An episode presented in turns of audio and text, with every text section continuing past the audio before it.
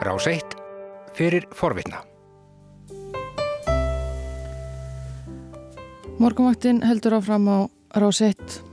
Morgun fréttinnar að baki klukkan 6 minútur gengin í nýju. Og við heyrðum í fréttum áðan, fréttir frá bandaríkunum meðal annars. Donald Trump, bandaríkjaforsetti, tilkynnti í gær að uh, hann ætlaði að senda sveitir alríkis lauruglumanna til Chicago og Albuquerque til þess að aðstóða lauruglulið borgana við að takast á við já, það sem að hann saði vera öldu, mandrápa og ofbeldisverka. Og uh, fórsetin saðist á bladamannafundi að gera löggæsluna öflugri í þessum borgum og líklega stum allt land. Eins og venjulega á 15. mótnum er hingað komin uh, Bói Ágússon og uh, við ætlum að byrja á því að ræða uh, þessar fréttir og, og þessi mál. Þessar yfirlýsingar Trumps er þetta liður í kostningamáratunni? Ég held að ekki nokkur vafi á því um, alla skoðanakannanir núna benda til þess að Joe Biden hafi umtalsvert forskott alltaf 15% á landsvísu. Á landsvísu segir hins vegar ekki allt því að uh, vel upplýstir hlustendur heimsklugans vita það að það er uh, kjörmenn sem er kjörnin í hinnum einstökur ríkjum bandaríkjana sem að kjósa bandaríkjafásita þannig að það er uh, svona líkil ríki sem að skipta máli þessi sem er vel upplýstu hlustendur vita það líka að í langflestum ríkjum er úrslitin svona eiginlega fyrirfram gefin. Það er sko tíðind á borðið í aðskjálta upp á átta ef að Trump myndi vinna í um, Kaliforníu eða New York og uh, sömulegðis á getur Trump gengið að því vísu að vinna í uh, allmörgum ríkjum 2016 gekk allt upp hjá hann, hann vann nauma sigra í mörgum ríkjum og við skulum ekki gleyma því að hann að sagt, meiri hluti kjósenda valdi Hillary Clinton. Það voru þrjir miljónir þrjir miljónir umfram. Clinton fekk hérna, þrjú miljónu atkvæði umfram það sem að Trump fekk en hann vann á, á réttum stöðum. Núna er hann greinilega að eh, reyna, getum við sagt svona að um, hann er reyna að skada mingun í COVID-19 málum og hann er að reyna að beina aðtiklinni að sambúðinni við Kína eða sambandsleysinu við Kína og deilónu við Kína og ástandinu í öryggismálum. Þetta er gamalt trikk. Richard Nixon Eh, notaði þetta spil 1968 og tókst það ágætlega að eh, svona láta það, eh, gefa það í skín að það væri upplustn og glæpir og það þyrti svona harðan mann eins og hann til þess að takast á þetta. Trump er greinilega að fara í þessi fótspor og svona þeir sem að leggja upp kostninga bara svona fyrir hann. Hann er nýbúin að skipta um kostningastjóra maður sé greinilega að það eru, það eru nýjar áherslur. Fundunni sem var í fyrrakvöld, fyrsti blagamannafundur hans í beitni um COVID ástandið frá því í april þegar hann var að tala um það að fólk ætti að spröyta klóri í sig eh, til þess að drepa veruna og var með svona önnur eh, ráð sem að eh, þeir sem að hafa verið svona sem klukkutíma eða lengur í leknisvæði vita að er beinlýnis lífsættuleg og uh, eftir það, hann var hættur, hann var það háði og spotti og uh, það hefur sjálfsagt sárnað og þá hætt hann að hafa þessa blagamannafundi. Þá var hann sko gætnan í, í þeirri lóti, þá var hann gætnan talandi í tvo tíma og, og var ekki minni sérstakt handrit og fór út og suður og þess vegna var allir upp og húnum allskins vittleisa.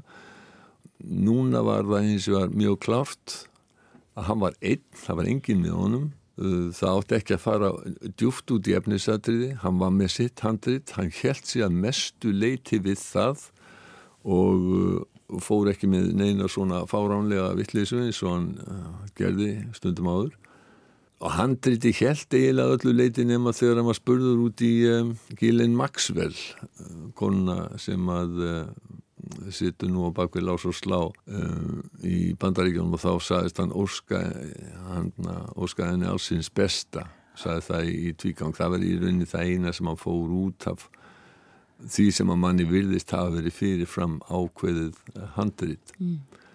og svo er það núna sagt, að senda þessa allríkis lauruglumenn til eh, borga það sem að hann telur að ófremdar ástand ríki.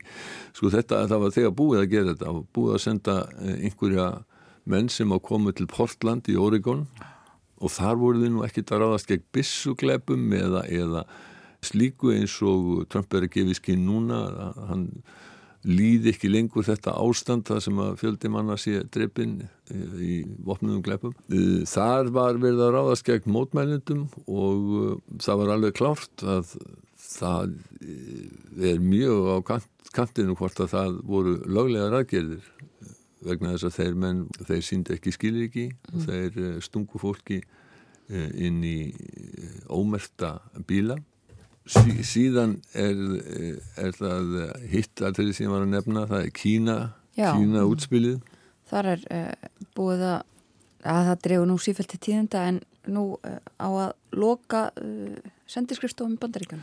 Já, og loka ræðismannskrifstofum, eða það er búið að tilkynna að ræðismannskrifstofunni í um, Houston í Texas verður loka og yfirlýsingar um það að það hafi verið miðstöð alls konar undirúðustarsimi og njósnastarsimi og uh, nú verður það ekki líði lengur. Svo er alltaf sko látið í það skína að Joe Biden sinn og bara var einmingi sem ekki myndi taka svona af þessari karlmennsku á á kynverjum og öðrum óvinnum þjóðarinnar. Uh, við getum líka litið á ferð Mike Pompeo utanrikisráþara til Englands og Danmerkur í, í þessu ljósi. Hann fekk með því að Jeppe Kofod utanrikisráþara Dana til þess að, að tala illa um Kína en frá því að uh, stjórn jafnaðamanna tók við í fyrra í Danmörku og þá hefur Jeppe Kofod ekki verið mjög harðorður í gardi kynverja en hann var það núna þeir rættu ekki eins og uh, Kufo var spurður á blagamannafundi þeir rættu ekki um sölu greinlas Kufo sagði að það var afgreitt í fyrra og það var ekkert rætt um það. En það held ég að það hlýðarspór Trumps svona já menn vestra vil ég bara gleima þeim bjánaskap sem allra fyrst En það var rætt dálitið um norðurslóðir og það kemur okkur þá við og utanrikiðsráþærar er þeir sem fara með utanrikiðsmál í landstjórnunum í Færium og á Grænlandi þeir voru með á þessum fundi. Við vitum það að uh, stórveldi heimsins, Kína, Rúsland og Bandaríkinn láta sig norðurslóðamál mjög varða uh, þessa stundina og höfum oft, oft rætt um það af mm. hverju mm. það er en það er núna vilist verið ekki síst svona mögulegt hernaðalegt mikilvægi norðurslóða sem að skiptir miklu máli og bandaríkjaman hafa já þeir eru að styrkja grænlendinga núna um það byrj eh, svona cirka 2 miljardar íslenskar króna og þeir eru nýbúin að opna ræðismannskristu í núk mm -hmm. þannig að eh, það er lítið miklu meira til norðurslóða í eh, bandaríska auðvitaðingiðsánutinu og í, í bandarísku stjórninni.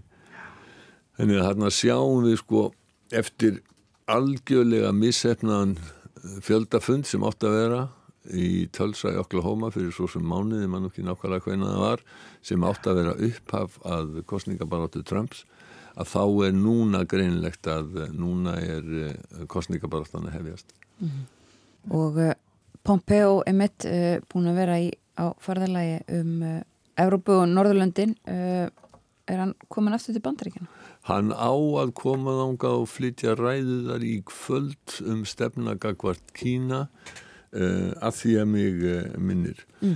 en sko ef við vikjum aftur að stöðun í bandarískun stjórnmálum þá mm. er hún svo nú að líkurnar á að Trump verði endur kjörinn eða líkurnar á að Trump verði endur kjörinn ef það væri kostningar núna eru afskaplega litlar mm -hmm. því að hann er talsvert undir og hann er líka undir í mjög mörgum af þessum ríkjum þar sem að hann vann nauman sigur síðast og eru líkil ríki í og munur ráða því hvort að eh, næsti bandaríkjafósiti verður Joe Biden eða Donald Trump verði áframfósiti. Við erum að tala um ríki eins og Florida, Pennsylvania Ohio og það eru fleiri slík ríki eh, sem öll fjallu með Trump síðast. Mm -hmm. Og það verður öruglega mikil áhersla lögð á kostningabaróttu í þessum ríkjum og Trump uh, og veintalega bætin líka munu tala mikið til íbúa í þessum ríkjum til þess að, að, að reyna að telja þá á sitt band hvernig það text er allt annað mál. Við höfum náttúrulega svo ábyggilega 150 sinum vitnaði Harold Wilson og, og það sem hann sagði að vika veri langu tími politík þannig að þó að sé langt á milli hvað stuðning varðar Joe Bidens og, og Donald Trumps að þá eru kostningarnar í november, þær eru ekki í júli, þær eru mm. ekki í ágúst og það getur mikið gest fyrir hálfu ári þá stóð Trump bísna vel áður en að uh, koronu veru faraldurinn komu og uh, hrun varð í efnahagslífi í, að víðast hvar í heiminum. Mm -hmm. Já, við hefum sannlega sett það á þessu ári að hlutir geta breyst hratt. En af því að minnst er á uh, koronaviru faraldurinn þá ætlum við líka fjallaðins um aðgerðir Európusambandsins sem að sögulegur sögulegar aðgerðir sem að samþektar voru í byrjun vikunar. Já, þær eru sögulegar að, að mörgu leiti og um, við skulum bara byrja því að heyra hvað Sjálf Michel, fórsiti leitvar ás Európusambandsins sagði um það að uh, þetta væri fyrsta skipti sem að uh, ríkinn tæki höndum saman til og bæri ábyrða á skuldum hvers annars. The first time, the first time that you are jointly reinforcing our economies against a crisis. Það, og þetta er gríðalega há uh, upphæð sem umræðir. Já, þetta er gríðarlega há upphæð og ef við nefnum efru, þetta eru 750 miljónir af efrum, 390 af því eiga að verða styrkir en sko, þetta kannski segir okkur ekkert voðalega lítið svona eitthvað hérna, þetta er svona skriljón, triljóni. Frettastofan regnaði það út að uh, þetta svaraði útgjöldum Íslenska ríkisins í 120 ár mm -hmm. Og þá getum við aðeins farið að uh, skilja uh, hvað um hvaða upphæðir er, er að ræða hérna. Leitofundurinn var um, um 20 í rauninni, hann var annars vegar um fjárhagsáætlun um, Európa-sambansins næstu uh, sjú árin, minni mig, já. Mm -hmm. Og hins vegar var hann um þennan bjargráða sjá, sjóð sem á að koma uh, þeim ríkjum uh, til, til góða sem að hafa orðið vest undir í þessu sko. En sko upphæðirnar eru svo gríðarlegar að, að það eh, var sumum mikið nýri fyrir Óli Rýborg er eh, frettamæður danska eh, ríkisjónvarsins í Brussel hjá Evropasambandinu og það mótti greinilega heyra honum var mjög mikið nýri fyrir þegar að þetta samkómulega var í höfn Det mest skældsættende, det er, at man, kan man sige, har hældt hele EU's politik fra hele finanskrisen ud, på, ud med badelandet. Nu går EU-landene ud og låner 2.900 milliarder kroner i fællesskab, som man så giver øh, flest af pengene til de hårdest ramte lande øh, her under coronaen, som tilskud, altså som gaver, som skal hjælpe dem, de her lande med at få gang i økonomien. Det er øh, epokegørende og nyt og aldrig set før i EU's historie. Það eru mestu tímamótin að fjármálastefnan frá hrunórum henni hefur verið kastað fyrir róða, saði Ólið Rýborg.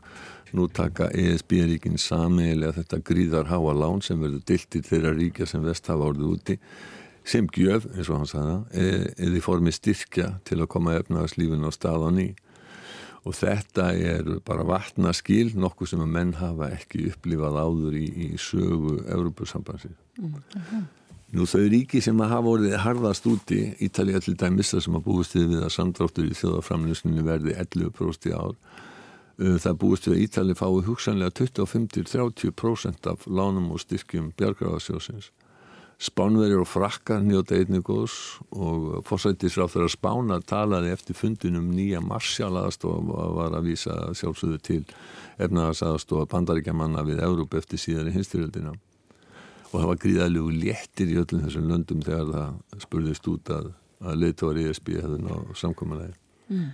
En er þetta lán sem að þarf að borga tilbaka? Já, þetta eru að, að sömuleiti, sko, 390 miljónir eiga að vera styrkir eh, en eh, restin eiga að vera lán á lágum vöxtum og þessi lán, menn hafði áhyggjur af því að eh, mjög skuldsettir ríki myndi bara, já, fara, ekki, ekki fara á haugstinn en, en, en sko að veg, þeir myndi þurfa, lántökum kostnaður nýrið svo gríðalugur myndi ekki ráða við það. Þess vegna er sameigilega ábyrð á þessum lánum. Það, er, það, er, það eru nýmælin og, og það er Evrópusambandi sjálft sem að fær þessa að peninga að láni. Og það er eins og að spyrja um endurgreðslu sko það eh, á ekki að endurgreða þetta fyrir nárið 2058 og það talaði um að, að það verði ekki aðildaríkin og ríkisjóði þeirra sem þurfa að greiða þetta. Allt lánið að mistakosti heldur verði settir á nýjir Európa-skattar til, til söguna hafi verið nefndir kólefnisskattur og plastskattur. Þannig að það er, það er sko á, ástæðan fyrir þessu. Heima fyrir í þeim ríkjum sem að um, þurfa að borga meira heldur en þau fá Eh, eins og til dæmis Danmark og Svíþjóð þar er þetta, og Holland og Östuríki þar er þetta selt á þann hátt að þetta komi þeim ríkjum líka til góða vegna þess að eh, þau hagnist á því að aðrir eh, rétti úr kútnum. Þannig sagði til dæmis Mette Frederiksen að þetta myndi styrkja útflutning dana. Danmark er en lille økonomi. Vi lever af vores eksport vi er rigtig, rigtig øh, privilegeret i Danmark ved at have meget, meget stærke virksomheder og danske lønmodtagere, der kan eksportere, men der skal være nogen til at købe varerne. Já, það verður einhver að kaupa vörðnar. Já, það er einhver verður að hafa börði til þess mm. og eins og staðan er núna þá, þá sér það um, fáir sem að hafi, hafi það.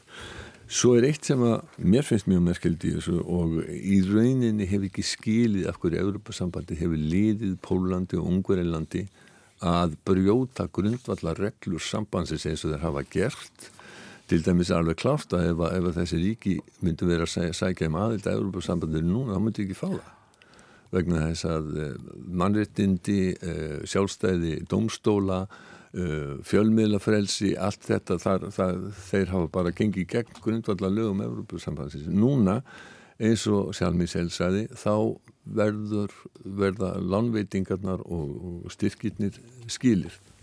The first time, the first time that the respect for rule of law is a decisive criteria for budget spending. Þannig að þau verða, þessi ríki verða að fylgja reglum sambansins til þess að geta fengið styrki og lán og það eru nokkur tíðindi. Sko ekki síst anstæðingum Evropasambansins er mjög heitt í hamsi stundum þegar þeir eru að tala um sambandi sem eitthvað sko yfir ríkja og slíkt. Evropasambandi hefur hins að afskapla lítil völd til þess að takast á í krísur eins og hafa verið núna. Það er eina einstöku þjóðir sem að gera það. Þannig að þetta er leiðin sem Evropasambandi er að reyna að fara til þess að, að að tuska til þá sem er óþekkir. Bói Ágússon, takk að kella fyrir.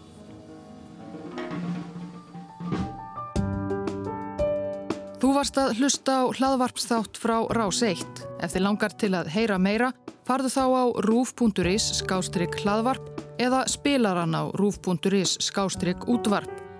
Rás 1 fyrir forvitna.